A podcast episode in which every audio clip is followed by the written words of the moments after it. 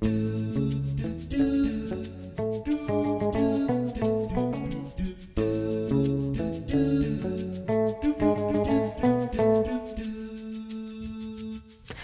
välkommen till Bokspanarna. Bokpodden inspelad på biblioteken i Luleå. Närmare bestämt Stadsbiblioteket idag. Och som vanligt har vi Agneta. Magnus. och Helen här. Eh, dagens tema kan vi säga är feelgood. Mm. Och vad är då feelgood? Är feelgood samma för alla människor? Tror ni? Nej. Nej, alltså mina feelgood vi ska helst ha lite svärta i sig. Men en del vill ju ha feelgood som bara är sam, som vanilj.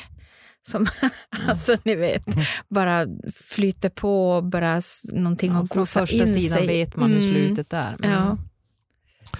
Vad är det för skillnad på feelgood och chickligt då? Det tycker jag är svårt. Ooh. Alltså chickligt, då känner jag mera, alltså för mig kan ju Bridget Jones dagbok vara en feelgood, men det är ju också en chickligt, alltså lite mera Fast jag kan tycka samtidigt att chickligt är ett, ett litet nedsättande Mm. namn på en viss sorts böcker som ändå ger så otroligt mycket. Ja, jag vet inte. Så feelgood är lite mer neutralt. F- Ja, eller mer seriöst. Det känns bättre. ja, det känns jag har bättre. tänkt ja. chickligt att det är lite yngre människor kanske. Ja. Jag vet inte, storstad och lite så här Mm. glamour mer. Det är det ju inte alltid feelgood. Nej. Och bara som ett tips så finns det på biblioteket en hylla där vi har plockat ut eh, ett urval av feelgood-böcker. Ja, I alla fall på Stadsbiblioteket Mm, I alla i fall på Luleå. Stadsbiblioteket. Mm.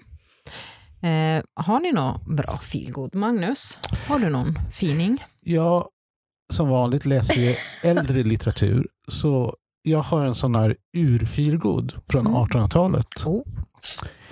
Och nej, det är inte Jane Austen. Det brukar hon ju komma upp i sådana här sammanhang. Utan det är Elizabeth Gaskell och hennes böcker om Cranford. Mhm. Och om man tycker om taglines så kan man beskriva det som Jane Austen med bekymmersrynkor. Okej.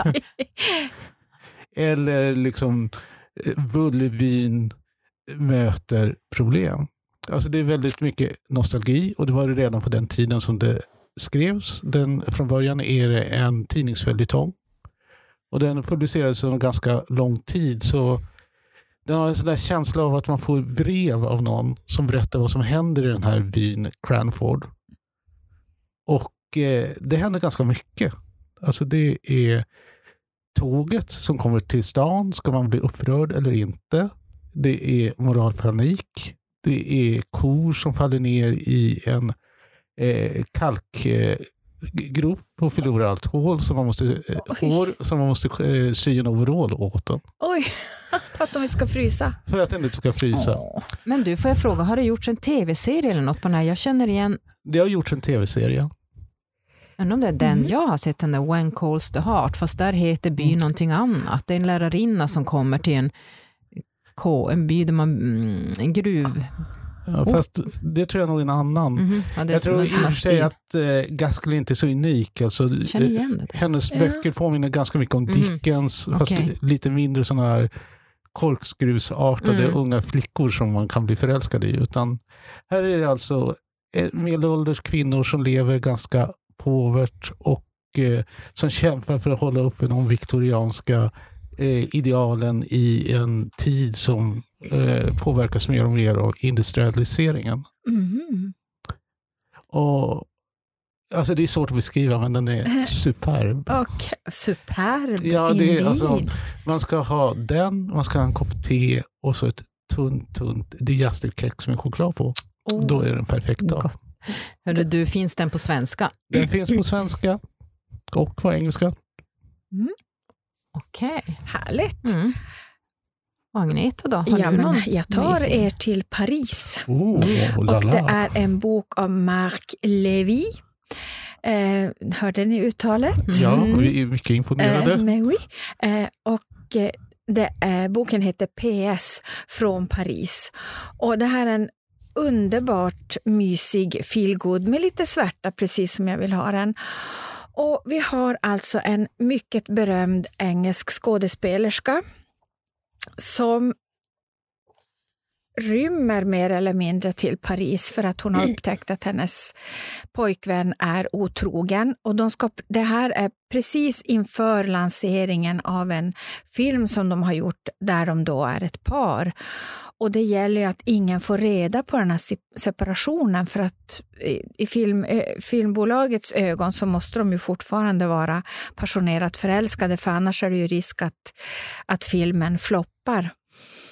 Eh, den här tjejen då som, som heter Mia Greenberg egentligen, hon eh, heter som författare Melissa Barlow.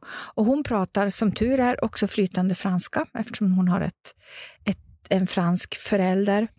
Eh, så hon åker till Paris, hon, hon flyr mer eller mindre till Paris eh, till sin kompis där hon får bo. Och kompisen här hon har en restaurang ehm, som Mia då får hjälpa till i som servitris och många tycker sig känna igen henne.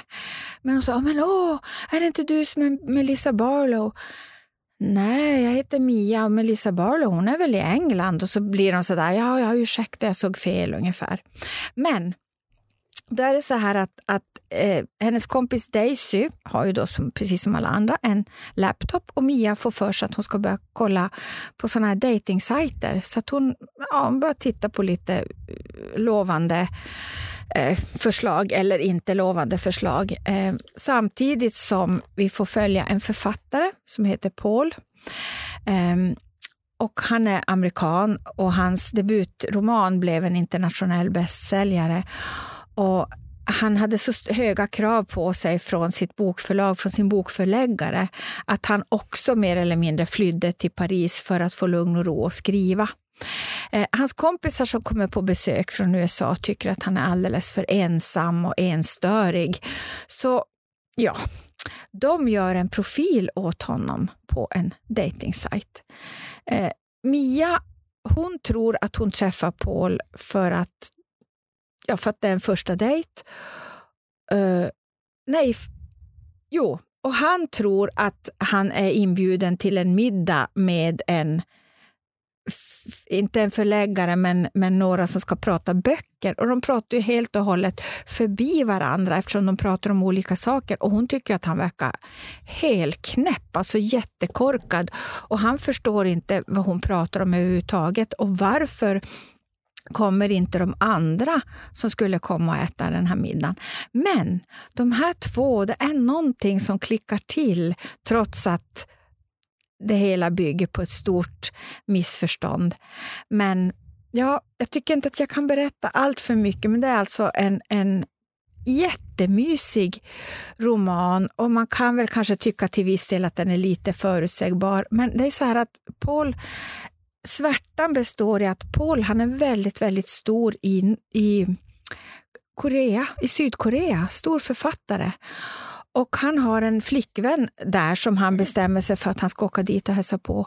Men det är bara det att hon dyker aldrig upp och då visar det sig att nej, jag kan inte avslöja vad som jo, visar sig jo, i Korea. Jo, jag kan, kan göra det för er sen efteråt, ska jag viska åt er. Mm. Men för er lyssnare så är det en riktig twist som gör att jag utgör svärtan i den här romanen, en väldigt viktig svärta. PS från Paris av Marc Levy.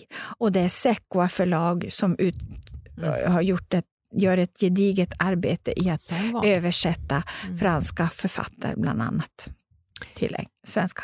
Nu kan man ju nästan tro att vi har kommit överens om det här, men den feelgooden jag ska prata om utspelar sig också i Paris ah. till en början. Mm. Och den heter, som väldigt många feelgood-böcker hette här ett tag, Den lilla någonting.